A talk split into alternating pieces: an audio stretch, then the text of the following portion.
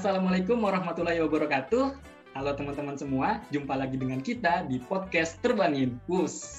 Nah, gimana nih teman-teman kabarnya? Semoga tetap sehat dan tetap terjaga ya. Apalagi masih dalam suasana tahun yang baru, tentunya semangat juga harus baru dong. Oh iya, perkenalkan nama saya Andi, salah satu dari Terbangin Squad Batch 2. Tentunya saya nggak sendiri nih, bakal juga ditemani oleh Tevania. Halo Tevania. Halo Andi. Kenalin, aku Fania dari Terbangin Squad Batch 1. Oh ya, kita nggak cuma berdua nih, Di. Ada satu lagi yang bakal nemenin kita di podcast kali ini, uh, yaitu Caca. Hai Caca. Hai, Assalamualaikum teman-teman. Kenalin aku Caca dari Terbangin Batch 1. Uh, hari ini lumayan rame ya, semoga podcastnya nggak jadi kayak pasar ribut. oh iya, hari ini tuh kita bakal bahas apa sih, Di? Nah, kali ini kita bakal bahas seputar tren desain. Kalian tahu nggak sih apa itu tren desain tahun ini? Kemarin aku sempat nonton ini sih YouTube-nya Rio Purba. Dia sempat bahas tentang tren desain tahun ini gitu. Katanya yang bakal tren di tahun ini tuh uh, gaya-gaya desain yang 3D gitu loh. Terus juga katanya font yang serif itu bakal hype lagi di tahun ini. Gitu sih yang aku yang aku tonton. Oh gitu, jadi perkiraan desain tahun ini uh, kayak yang Caca bilang tadi ya. Nah, sebagai seorang desainer, perlu nggak sih uh, ngikutin tren desain tersebut? Aku penasaran nih. Ya, betul banget. Saya juga penasaran nih soal itu. Nah, mungkin kita tanya langsung ke orang yang lebih ahli kali ya. Karena di podcast kita kali ini nggak cuma bertiga nih, ada juga Kak Gilang. Halo Kak Gilang. Halo podcaster bangin gitu. Us gitu ya. Ada ada usnya gak? Ada ada usnya. Ada. Terbangin ada us gitu. Ya. ya. Halo podcast terbangin wus gitu Bang. Wush. Ini udah udah squad terbangin banget nih Kak Gilang. Oke. Gimana nih iya, Kak iya, Gilang iya. kabarnya? Uh, Alhamdulillah sehat gitu ya. Uh, walaupun masih insecure ya, masih banyak virus-virus uh, di sekitar kita. Insecure. Semoga tetap sehat selalu juga ya, tetap terjaga Iya betul, tetap terjaga. Ada apa nih? Ada apa? Kenapa saya dipanggil ke podcast ini gitu? Sebenarnya kita mau nanya-nanya gitu sih kan tentang tren. Cuman sebelum masuk ke hmm, hmm. pembahasan tren, ya mungkin kita ini ya kali ya pengen tahu nih sejarah tren desain tuh kayak gimana sih dari dulu sampai sekarang tuh kayak gimana tuh Kang? Hmm, uh, yang ku tahu dari beberapa apa namanya bacaan sih desain grafis itu uh, ini ya dikembangkan pertama kali itu tahun 1950-an gitu loh. Ada yang namanya istilah desain grafi gitu loh. Nah, uh, saat itu tuh prosesnya masih produksi cetak, uh, terus profesional tuh masih apa namanya masing-masing ngelakuin perdagangan. Cuma kalau dari terapan seninya dari dulu tuh udah ada kayak uh, apa namanya art uh, gimana baca ya art nouveau gitu ya art art deco gitu-gitu. Maksudnya uh, itu tuh udah ada dari dulu cuma tren desain grafis itu sendiri uh, mungkin sekitar 1950-an baru uh, membooming gitu kurang lebih gitu ya. Saya lupa-lupa inget soalnya kayak ibaratnya kadang ngurusin klien ya bukan sejarahnya ya. Wah ini ditanya sejarahnya ya. Wah seru juga. Cukup tua ya Kang? Lebih tua dari bapak iya cukup tua Waduh, tentu sekali dong. So, iya, iya. Aduh, kasih jokes juga ya podcast ini ya, baik. Berarti udah lama banget nih ya, Kang, uh, iya. perkembangan desain grafis. Betul. Nah, uh, dengan ada perkembangan desain grafis itu, kenapa sih ada tren desain grafis gitu, Kang? Kan kadang-kadang kalau tahun baru itu ada muncul uh, tren desain grafis yang baru. Tiap tahun hmm. tuh kadang ada aja yang muncul gitu. Jadi gini kayak uh, ada beberapa tren desain yang bisa dikatakan uh, booming ya setiap tahunnya gitu loh. Itu saya melihat uh, tipikali postingan Facebook tahun dari tahun 2014 kalau nggak salah. Dan itu ada sebuah website yang saya lupa nama websitenya. Ada yang mereka menyebutkan tren logo. Ada tren logo per tahun ada Nah, uh, terus akhir-akhir ini juga banyak yang memposting uh, salah satu bidang desain lainnya adalah ya uh, style apa gitu kan, desain seperti apa yang akan tren di tahun-tahun 2021 ke depan mungkin gitu ya.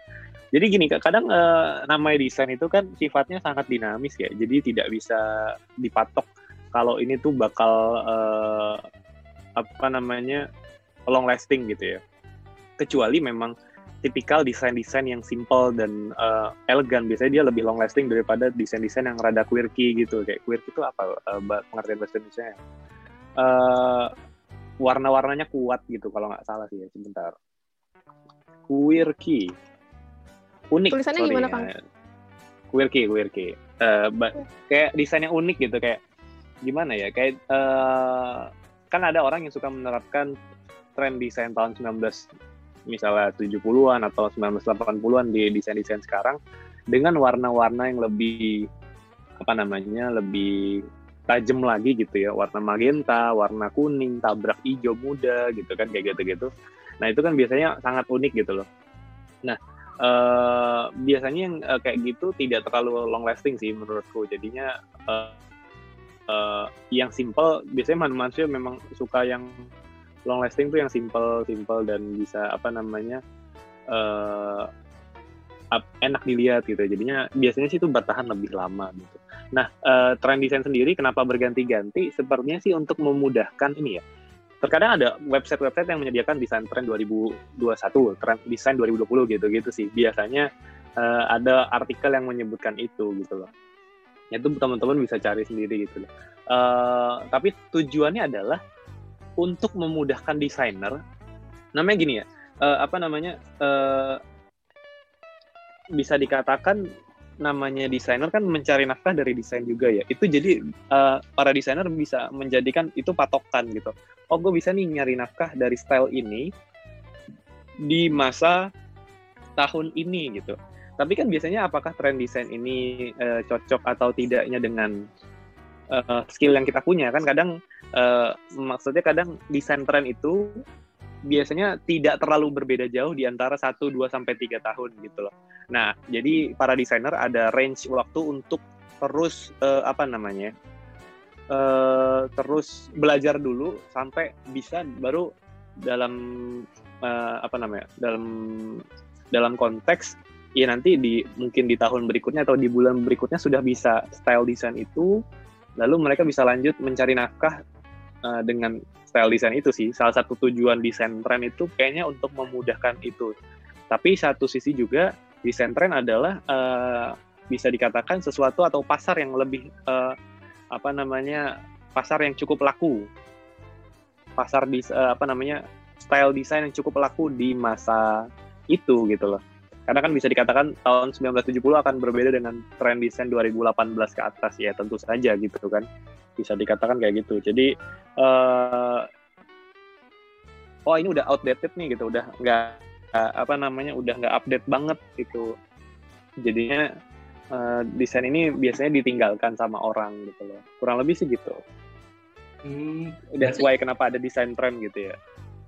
Oh ya berarti Kak Gilang, uh, kalau kayak gitu, gitu, kita tuh sebagai seorang desainer harus harus mengikuti tren desain itu atau kita tetap menggunakan idealis kita gitu sebagai seorang desainer dengan uh, desain-desain tertentu gitu mungkin. Nah kadang gini, uh, ini rada tricky sih karena bisa dikatakan uh, uh, gini, hmm, terkadang idealis ini harus benar-benar kita konsisten gitu, sehingga kita mempunyai uh, bisa dikatakan perbedaan sendiri atau ya kalau kalian tahu IG ku ya daya ganggu ya sudah. Uh, apa namanya kalian pelajari juga kayaknya diterbangin gitu ya. Uh, maksudnya gini kalau uh, kalian tuh bisa stand out dengan style kalian yang idealis gitu. Cuma bisa dikatakan pasar itu cukup kejam gitu. Kadang idealis tapi kalau tidak ada market untuk apa gitu kan bisa bilang. Uh, ya kayak begadang boleh saja kalau ada marketnya kan gitu. Ya ya lu susah-susah kalau uh, nggak apa namanya belajar satu style desain ternyata tidak mengikuti tren. Kalau nggak laku ya jangan salahkan tren dong karena itu keputusan banyak orang kenapa suka dengan style seperti itu gitu loh. Karena kan uh, ibaratnya desainer grafis bisa menyajikan idealisnya tapi kalau dengan uh, apa namanya dengan dengan konsekuensi dia harus punya unique point yang unique selling point yang sangat benar-benar kuat gitu. Kalau tidak punya itu tentunya dia juga akan ke makan zaman juga gitu loh. Nah jadi kalau mau idealis silahkan. Tapi benar-benar konsisten dari uh, awal hingga ujung karirmu sebenarnya. Boleh nyoba-nyoba tapi sebagai uh, nyoba-nyoba style lain sebagai bisa dikatakan bentuk refreshingnya teman-teman yang idealis gitu loh. Namun kalau teman-teman yang ingin mengikuti tren itu sangat uh, bisa dikatakan lumayan uh, apa ya cerdas bisa dikatakan seperti itu. Karena uh, namanya desain desainer itu nyari pangsa pasar dia akan terus berubah-ubah gitu loh. Oh ini lagi main di sini nih ini lagi main di sini. Nah jadinya orang-orang juga uh, yang mengikuti desain tren paham kalau pasar lagi ke sini ibaratnya gini deh uh, apa namanya ya ya seperti ini sih seperti keluar masuknya barang di pasar gitu loh ini harga cabai lagi lagi harga cabai lagi mahal nih gitu yang buat apa kita jualan fokus di jualan tomat kan dalam konotasi seperti itu gitu loh. Buat apa kita jualan terong kalau misalnya harga cabai lagi mahal? Kenapa kita nggak ikutan jualan cabai aja gitu loh? Kalau untuk menaikkan harga kita gitu, bisa dikatakan seperti itu. Nah, kayak dia ya mirip gitu desain tren gitu. Jadi uh, mungkin menurut aku kalau mau idealis silahkan. Dan apa namanya benar-benar kalian harus punya unique selling pointnya gitu.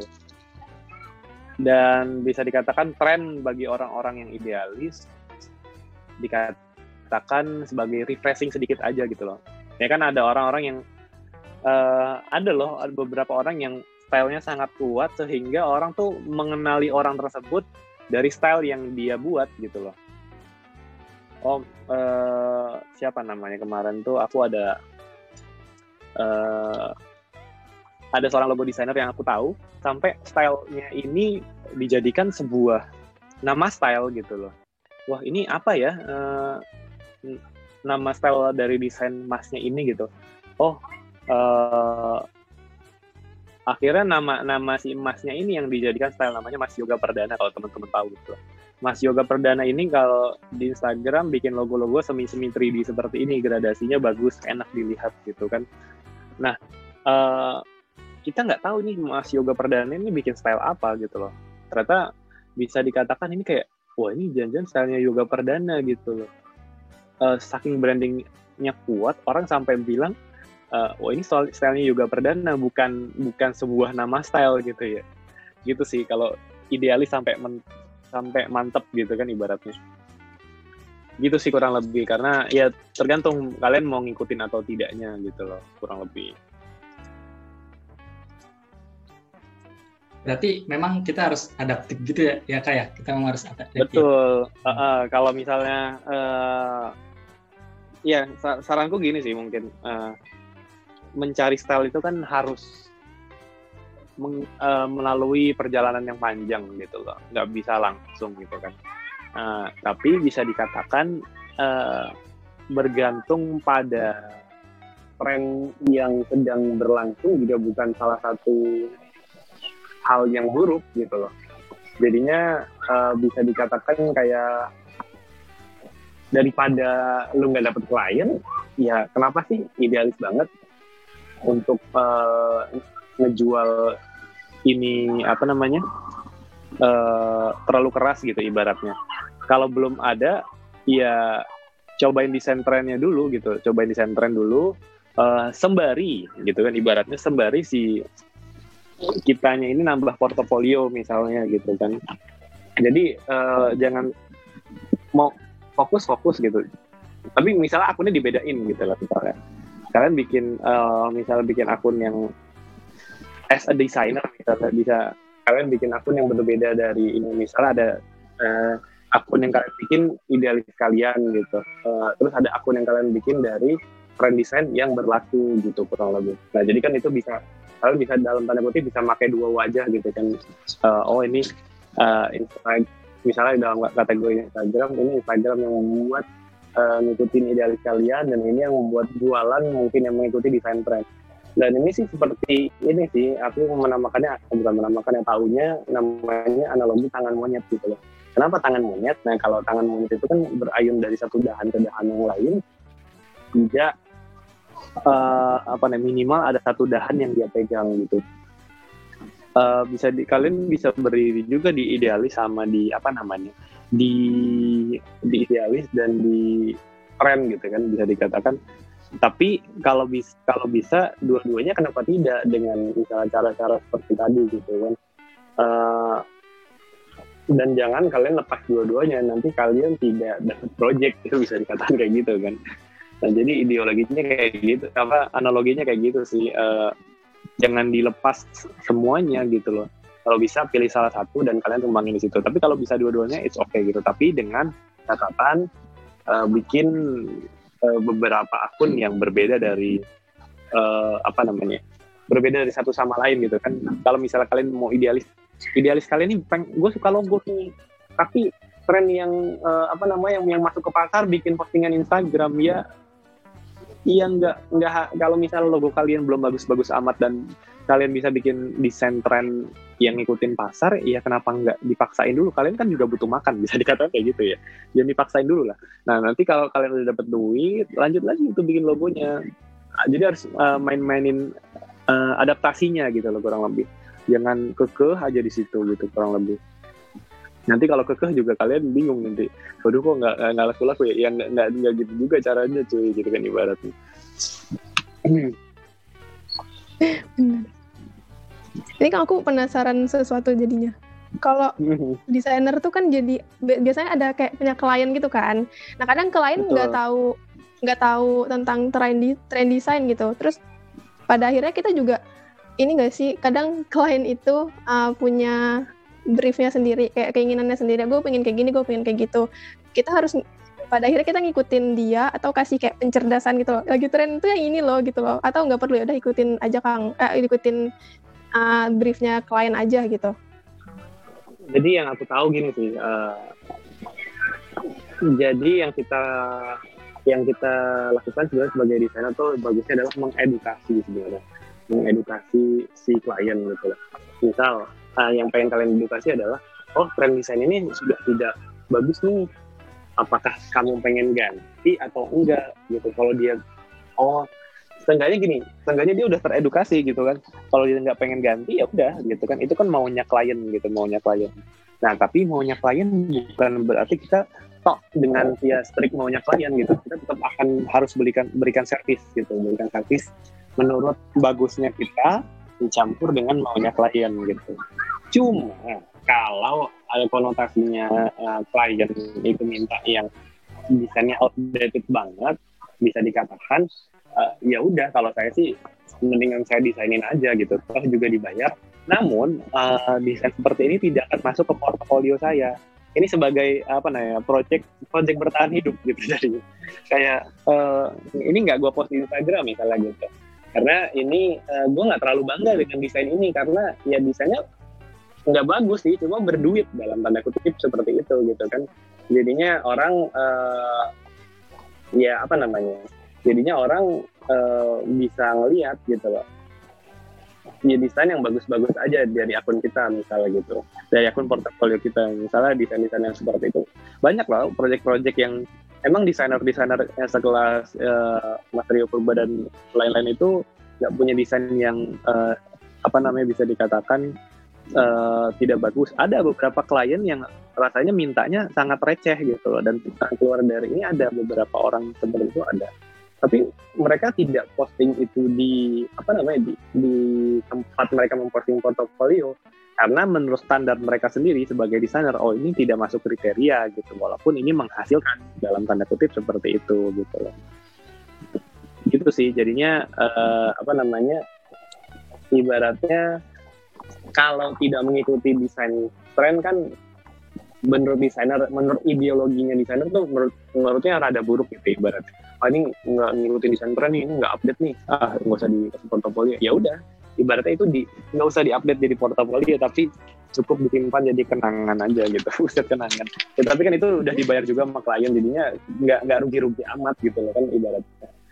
Uh, tapi kan yang biasanya enak tuh adalah klien yang sudah update update uh, trend desain gitu kan yang penting sih edukasi di awal gitu. Kalau ada edukasi di awal mengikuti desain kan juga jadinya enak gitu kan kurang lebih. Jadinya enak dia mau mau apa namanya mau ngasih ini juga gitu kan mau apa namanya uh, mau ngasih briefing kitanya kitanya seneng gitu ya nggak nggak cember aja ngerjainnya gitu kan kurang lebih. Terus kliennya juga senang karena desainnya kelar dan senang kita bertambah karena ini masih bisa dimasukin portofolio kita nih kita kayak kita sembunyiin di gudang dalam tanda kutip gitu kan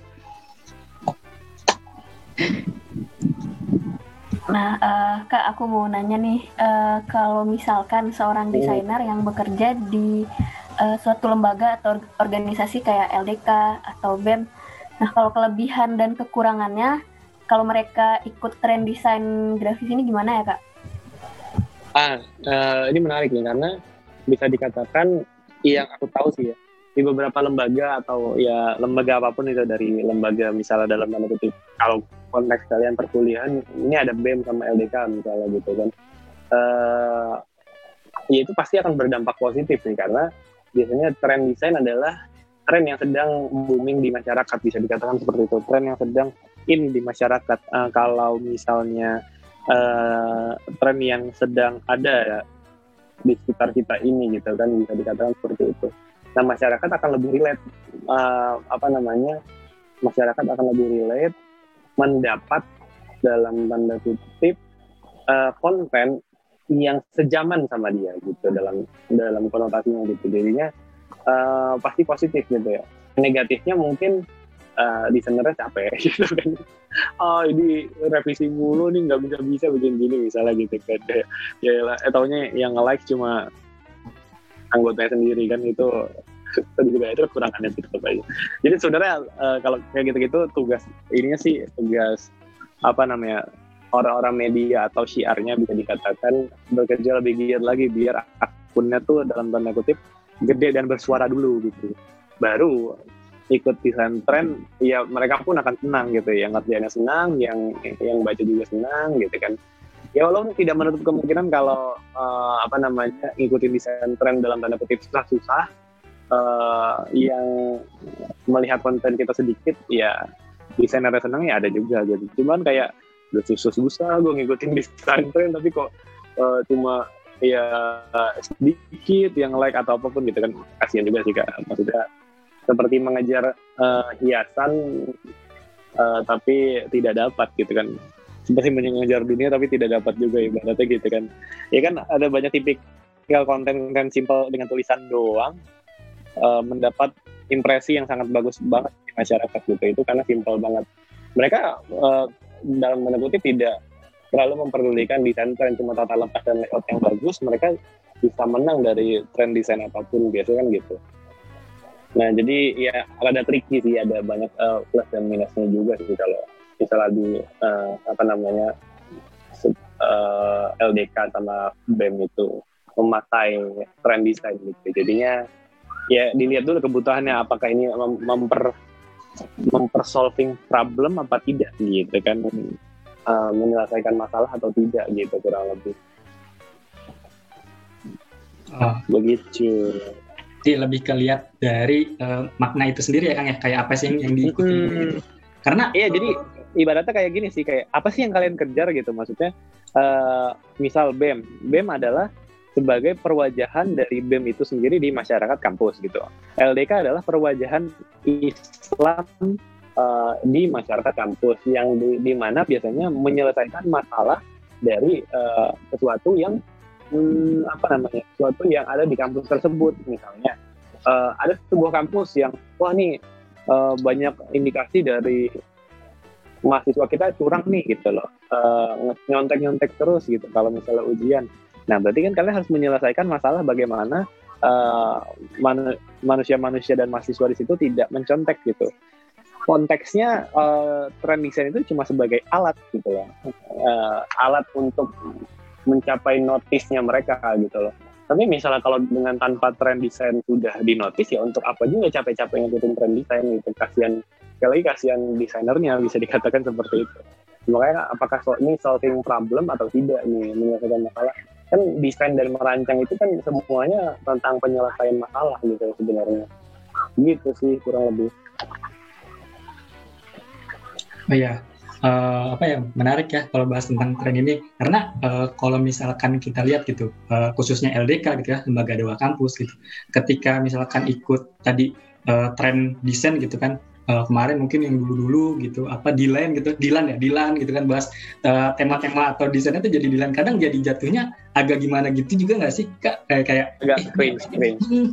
Nah itu dari dari kak Gilang itu menurut kak Gilang itu gimana? Ya itu bahaya gitu kan. Uh, untuk diketahui di Dilan tuh bukan tren sih lebih kepada hype dari masyarakat uh, bukan dia bukan desain tren ya maksudnya. Dia hype dari fenomena yang terjadi di masyarakat kita gitu loh. Uh, apa namanya bisa dikatakan suatu Dilan kan bisa dia dari buku dan jadikan film gitu. Itu adalah suatu uh, fenomena apa ya industri gitu bisa dikatakan seperti itu. Dan uh, misal kalau lagi nge-hype Dilan iya jangan bikin aduh kita pikirkan dulu nih. Dilan ini uh, konotasinya misal dalam konteks uh, lembaga dakwah kampus Dilan kan juga uh, apa sebutannya menyebarkan gitu kan. Menyebarkan mensiarkan gitu dalam tanda kutip itu. Gitu. Dilan apa yang disi, apa yang disebarkan Dilan? Apa yang disiarkan Dilan gitu? Dilan kita kita bedah dulu. Ini seseorang yang uh, apa namanya dia melakukan PDKT pada cewek segala macam bla bla gitu. Nah, ini kan dalam tanda kutip ini mensiarkan atau me, apa ya, menyebarkan sebuah uh, paham misalnya kalau pacaran itu tidak apa gitu kan. Nah, namun itu kan kontradiksi sekali dengan nilai-nilai Islam yang ada kalau ya pacaran itu nggak boleh segala macam gitu. Ya. Nah, kalau kita memakai Dilan sebagai alat juang kita, sangat uh, salah sekali nilai nilainya di situ gitu loh. Jadinya kayak loh kok ini kayak uh, ini kan tidak dalam tanda kutip ini kan berkontradiksi dengan apa itu nilai-nilai Islam gitu. Kenapa memakai ini sebagai uh, ujung tombak gitu perwajahan gitu. Itu kan akan sangat fail sekali. Nah itulah yang dinamakan salah satunya adalah cringe gitu cringe itu kayak sifat ini lah um, analogi cringe itu kalau kalian dengar kalian punya abi atau ayah kalian ngejokes tapi nggak masuk tuh kalian kayak malu sendiri gitu loh. Misalnya ayah kalian tuh ngejokes eh, ke depan tetangga tapi kalian lagi ngejemur pakaian terus kalian ngedenger kayak ya Allah ini ngapain sih? gitu kan. Nah itu cringe sih. Nah, konten-kontennya akan cringe sekali di situ terdengarnya gitu. Uh, apa namanya? Iya jadi kalian harus pilih-pilih juga tren gitu. Jangan jangan asal ikut gitu. Kalian harus bedah dulu ini ini benar kita bikin tren kayak gini? Ya ada end game, dibikin poster end game, bikin kajian atau BEM juga ada kayak gitu-gitu. Semua anggota BEM-nya uh, apa namanya memakai uh, apa namanya memakai seragam Avengers dan lain sebagainya. Nah misalnya gini, kalau misalnya Avengers kan itu membela bumi ceritanya, gitu kan. Nah uh, mereka ada beberapa orang mendesain sebuah poster uh, kajian atau kajian atau acara rapat itu dengan uh, apa namanya ya dengan dengan kostum Avengers ini gitu loh. Nah tujuannya apa? Apakah kalau Avengers kan pasti akan jadi epic gitu ya kalau poster aslinya gitu. Nah ini kan sebuah film yang uh, epic banget gitu bisa dikatakan seperti itu. Tapi apakah kalau uh, BEM ini mau menuju ke mana gitu?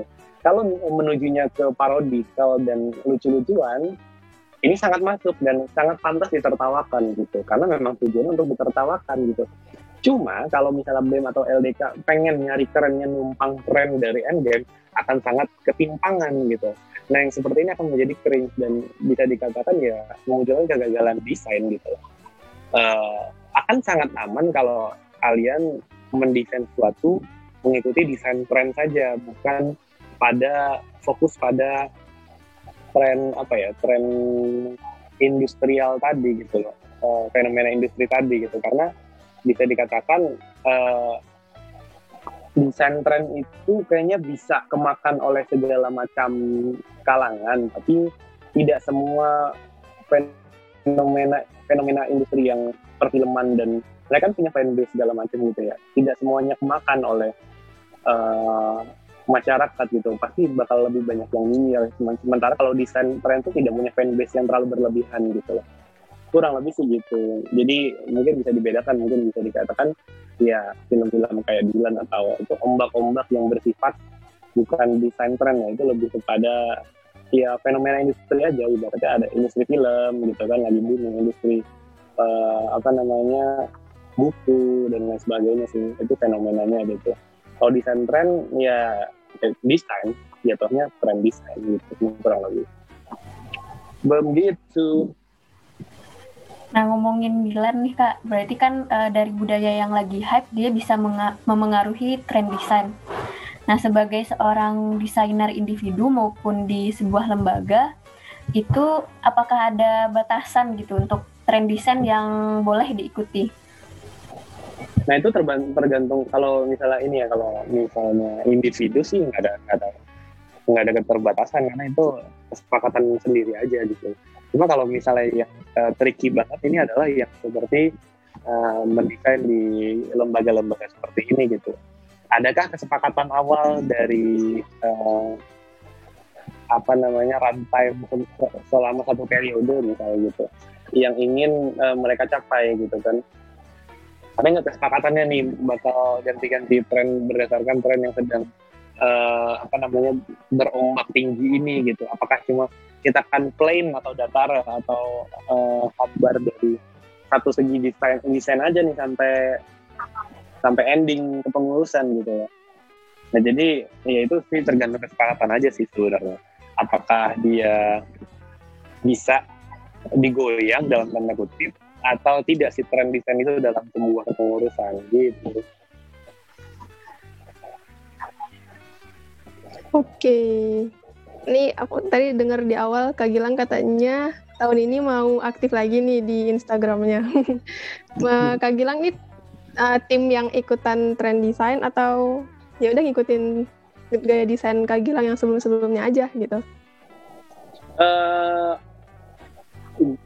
bisa dikatakan aku cukup idealis di beberapa tahun ke belakang gitu ya Cuma ke depannya dalam tanda kutip aku ingin mengikuti tren desain karena bisa dikatakan kalau idealis tidak ada marketnya ya buat apa gitu kan.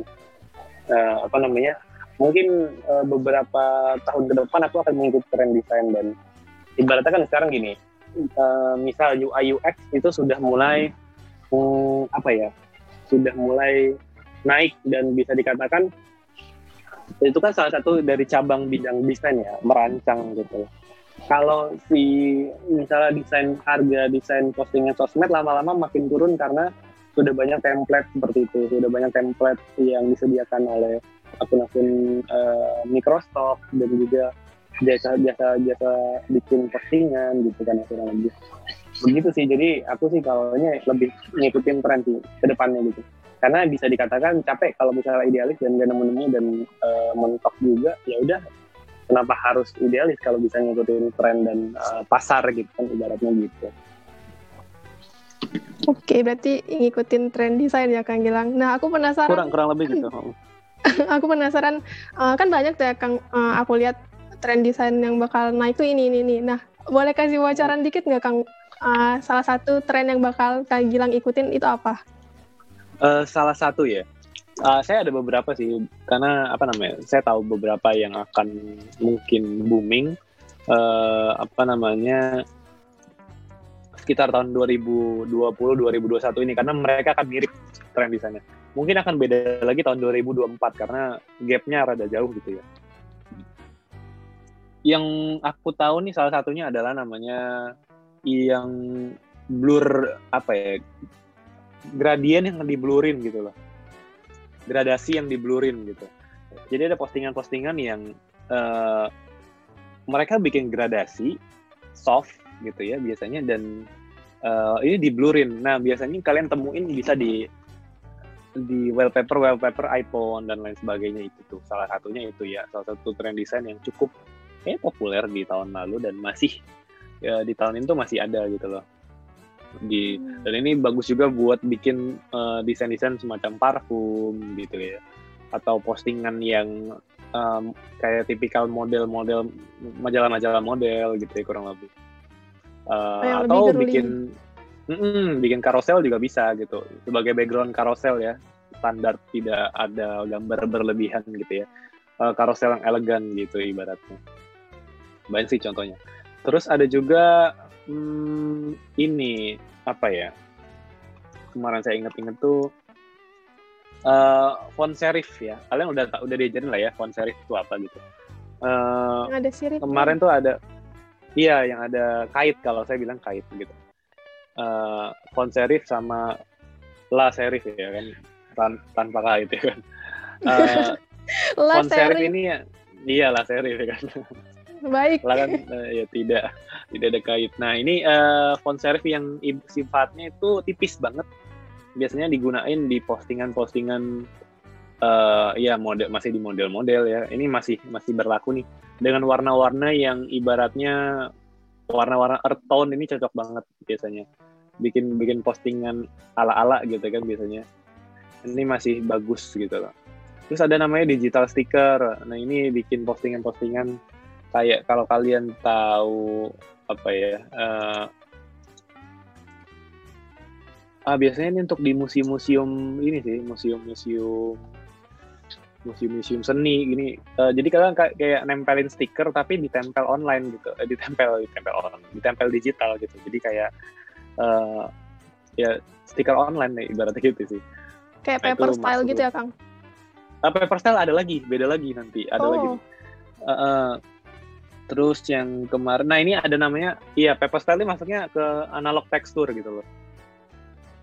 Analog tek tekstur nih kayak desain tipikal desainnya. Ada lagi, ini kalau digabungin sama desain yang warnanya kuat itu kayak tipikalnya kalau kalian tahu Froyonion gitu loh. Kalian bikin background dengan ada uh, tekstur kertasnya gitu kan. Ada lipetan-lipetan. Nah ini bagus buat bikin highlight juga bagus gitu kan ini sangat anak muda dan kekinian banget ibaratnya. Uh, tulisan muter gitu ya kan uh, font-font tebal gitu-gitu. Nah ini cocok dan masuk ke situ gitu loh. Rasa ada sobekan-sobekan kertas dan plastiknya gitu kan kurang lebih gitu.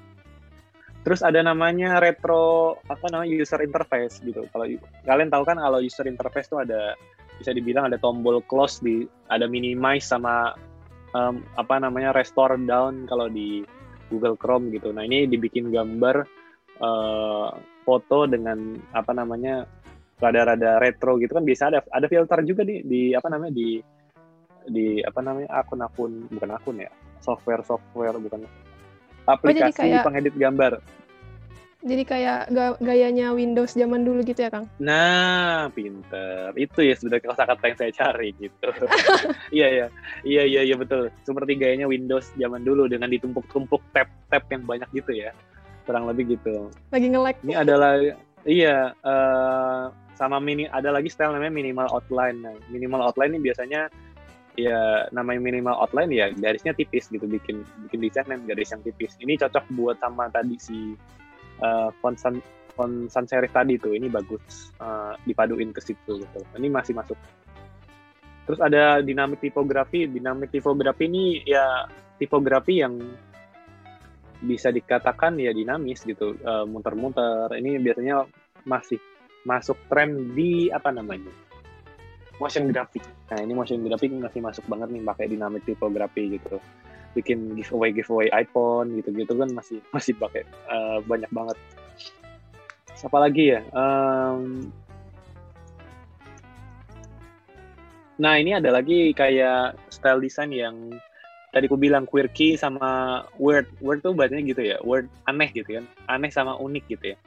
Jadi misal ada manusia kepalanya burung tapi stylenya style kayak kita ngegambar pakai pensil warna gitu. Jadi kayak ada masih ada kotor-kotornya gitu kayak di kertas kanvas gitu. Ini ada kakinya panjang tangannya pendek gitu gitu sih. Ini bikin pattern enak bikin uh, apa namanya uh, postingan pun bisa jadiin background gitu gitu biasanya jadi mural juga bagus nih bikin tipe-tipikal postingan gini. Dan yang terakhir yang ku tahu sih ini sih 3D ilustrasi 3D ilustrasi. Ini benar kata yang ku dengar tadi dari Mas Trio Purba ini benar-benar lagi tren banget gitu. Dan mungkin saya akan belajar ini juga sih karena lagi tren dan uh, pasarnya ada gitu loh. Kenapa tidak kan gitu. 3D ilustrasi ini kayaknya banyak ya Blender nih masih uh, banyak apa namanya tutorial dan bisa teman-teman pelajari dan mumpung belum terlambat banget nih gitu jadi bisa silakan dipelajari sih. Kurang lebih gitu sih tren tren-tren yang aku, aku tahu gitu. Sebenarnya nggak apa-apa belajar belajar aja uh, karena pasti emang jelek gitu kan. Karena kan karya, karya awal pasti jelek gitu kan nanti kan tinggal diasah gitu kan. Nah kan mas udah banyak sekarang mah kelas-kelas online gitu kan yang bisa dibeli dan kita belajar di situ gitu banyak jalan Mm-mm, banyak jalan menuju Roma Oke. menuju Mekah Beda. iya menuju Mekah bener juga kenapa gue Roma sih udah kayak udah kayak mau ngapain aja Eh, Kak Gilang terakhir mungkin ya. Tadi Eh, kan juga iya, iya. udah eh, nyebutin juga ya tadi ya tren-tren mm, desain yang bakal eh, Kak Gilang ini ya eh, garap juga. Nah mungkin eh, buat kita nih biar up to date ya gitu terkait tren-tren desain gitu bisa cari di mana sih informasi tentang tren di tren desain itu teh kan Nah, untuk kalian tahu sekarang sudah ada namanya teknologi namanya Google. Benar sekali ya. Apa Google belum nyampe Jatinangor ya? Udah ada. Nggak gini jadi teman-teman bisa apa namanya eh, apa namanya bisa ini sih eh, ada bisa cari di Pinterest gitu kan Eh, desain keywordnya kayak desain tren 2021 misalnya atau desain tren 2020 di, biasanya ada website-website seperti 99 design ya kan? 99 design tuh biasanya eh, update banget setiap tahun dia ada ada apa sebutannya? Ada desain tren yang kayaknya bakal laku nih kalau kalian jualan ini gitu. Kurang lebih gitu sih nah iya tuh ba- banyak eh, jadi keywordnya gitu dimain-main aja desain tren 2021 desain tren 2022 nanti tahun depan gitu sih. Eh, seven graphic design trend that will dominate 2021 gitu misalnya. Ini bisa bisa banget di teman-teman cari gitu karena ini dan dan biasanya setiap website tuh beda-beda gitu jadi nggak terlalu paten jadi masih jadi banyak variannya gitu. Teman-teman masih bisa explore oh ini wah ini nggak ada style yang eh, aku banget nih oh cari cari di website lain dan itu kan eh, rasanya kayak bikin pede kalian aja gitu kan. Padahal mah masih belajar desain juga gitu kan. Kurang lebih gitu sih. Oke, wah menarik banget ya Kak eh, ngomongin tentang tren desain yang awalnya mulai dari eh, sejarah perkembangannya dari mulai tahun 1950. Terus kita ngomongin tentang eh, harusnya tuh seorang desainer grafis eh, apakah ngikutin tren desain atau enggak, Mm-mm. gimana harus tetap eh, dengan target pasarnya atau tetap dengan eh, idealis eh, dengan desainnya sendiri. Nah, ada Iya, juga kita tapi, tapi satu tambahan sih, mungkin kalau teman-teman idealis dan berhasil, biasanya itu mahal gitu loh. Karena biasanya orang akan nyari ke kalian doang gitu loh. Itu yang jadi nilai plus, jadi permata banget di kalian gitu. Jadi kalau untuk mempertahankan idealis, silahkan, saya tidak melarang. Tapi kalau misalnya melihat realita dan belum ada jalan keluar ya, nggak usah dipaksain gitu kan, ibaratnya gitu. Semangat teman-teman. Benar banget Kak. Eh, jadi eh, kurang lebih eh, untuk tren desain tahun 2021 ini eh, Kak bilang eh, itu mengusulkan ada dalam tip- tipografi yaitu dynamic tipografi, kemudian eh, sans serif, la serif, ada desain juga seperti analog tekstur, eh, kemudian eh, desain dengan quirky, eh, 3D, 3D illustration eh, dan lainnya. Nah, eh, itu bisa jadi acuan untuk tren desain tahun 2021 ini. Mm-mm. Semoga ya. Jadi kan saya juga belajar juga kan ini tren desain tahun 2021 dan saya melihat listnya kayak sedikit sekali yang saya bisa gitu loh. Takutnya kan ibaratnya kalau desain tidak eh, desainer tidak update nanti kemakan zaman gitu kan. Pekerjaan kalian akan digantikan oleh adik-adik kelas kalian yang sudah lebih jago tiba-tiba jeng-jeng gitu kan. Kan kalian tidak bisa merombak profesi jadi tukang bakso gitu aja kan gitu misalnya. ya mungkin ke Kak Gilang bisa dong sedikit closing statementnya nih atau mungkin saran-saran ke pendengar terbanding semua nih terkait eh, apa namanya desain grafis ini terkait seputar tren Ya itu sih tadi eh, idealis boleh saja kalau ada marketnya. Apa perlu saya nyanyi? Idealis boleh saja kalau ada marketnya. gitu sih. Dan jangan lupa teman-teman tetap sehat ya walaupun kalian berpenghasilan banyak kalau sakit ya tetap aja gitu kan jangan lupa jaga kesehatan kalian tidak bisa menikmati itu soalnya kalau misalnya kalian sakit kan jadinya salah juga kan gitu tetap desain dan tetap jaga kesehatan gitu. Oke. Okay. Hmm. Ini sebenarnya aku pengen nanya-nanya lebih lanjut, cuman kayaknya waktu kita sudah mepet, jadi uh, aku ucapkan terima kasih buat Kang Gilang yang sudah uh, bersedia gabung di podcast kita hari ini. Oke, makasih. Terima kasih Kang Gilang. Udah, udah mampir-mampir. Terima kasih. Sama-sama. Di buat teman-teman juga nih, uh, apa tetap stay tune gitu. Jadi pantengin informasi dari Terbangin gitu. Dan juga kalau mau follow Instagram Kak Gilang ya dengan daya ganggunya. Oh, jangan jangan sudah sudah sudah sudah. Saya tidak ingin menambah followers lagi. Capek saya. ya pokoknya tahulah Instagramnya di mana. Nah, semoga ini ya apa podcast hari ini tuh menambah insight buat teman-teman yang mendengarkan dan kembali lagi kalau ingin mengikuti tren desain uh, nggak apa-apa. Kalau mau idealis juga nggak apa-apa karena ada kelebihan dan kekurangannya. Sekian dari kita tim terbangin. Buat teman-teman semua sampai jumpa di podcast terbangin selanjutnya. Terbangin. Push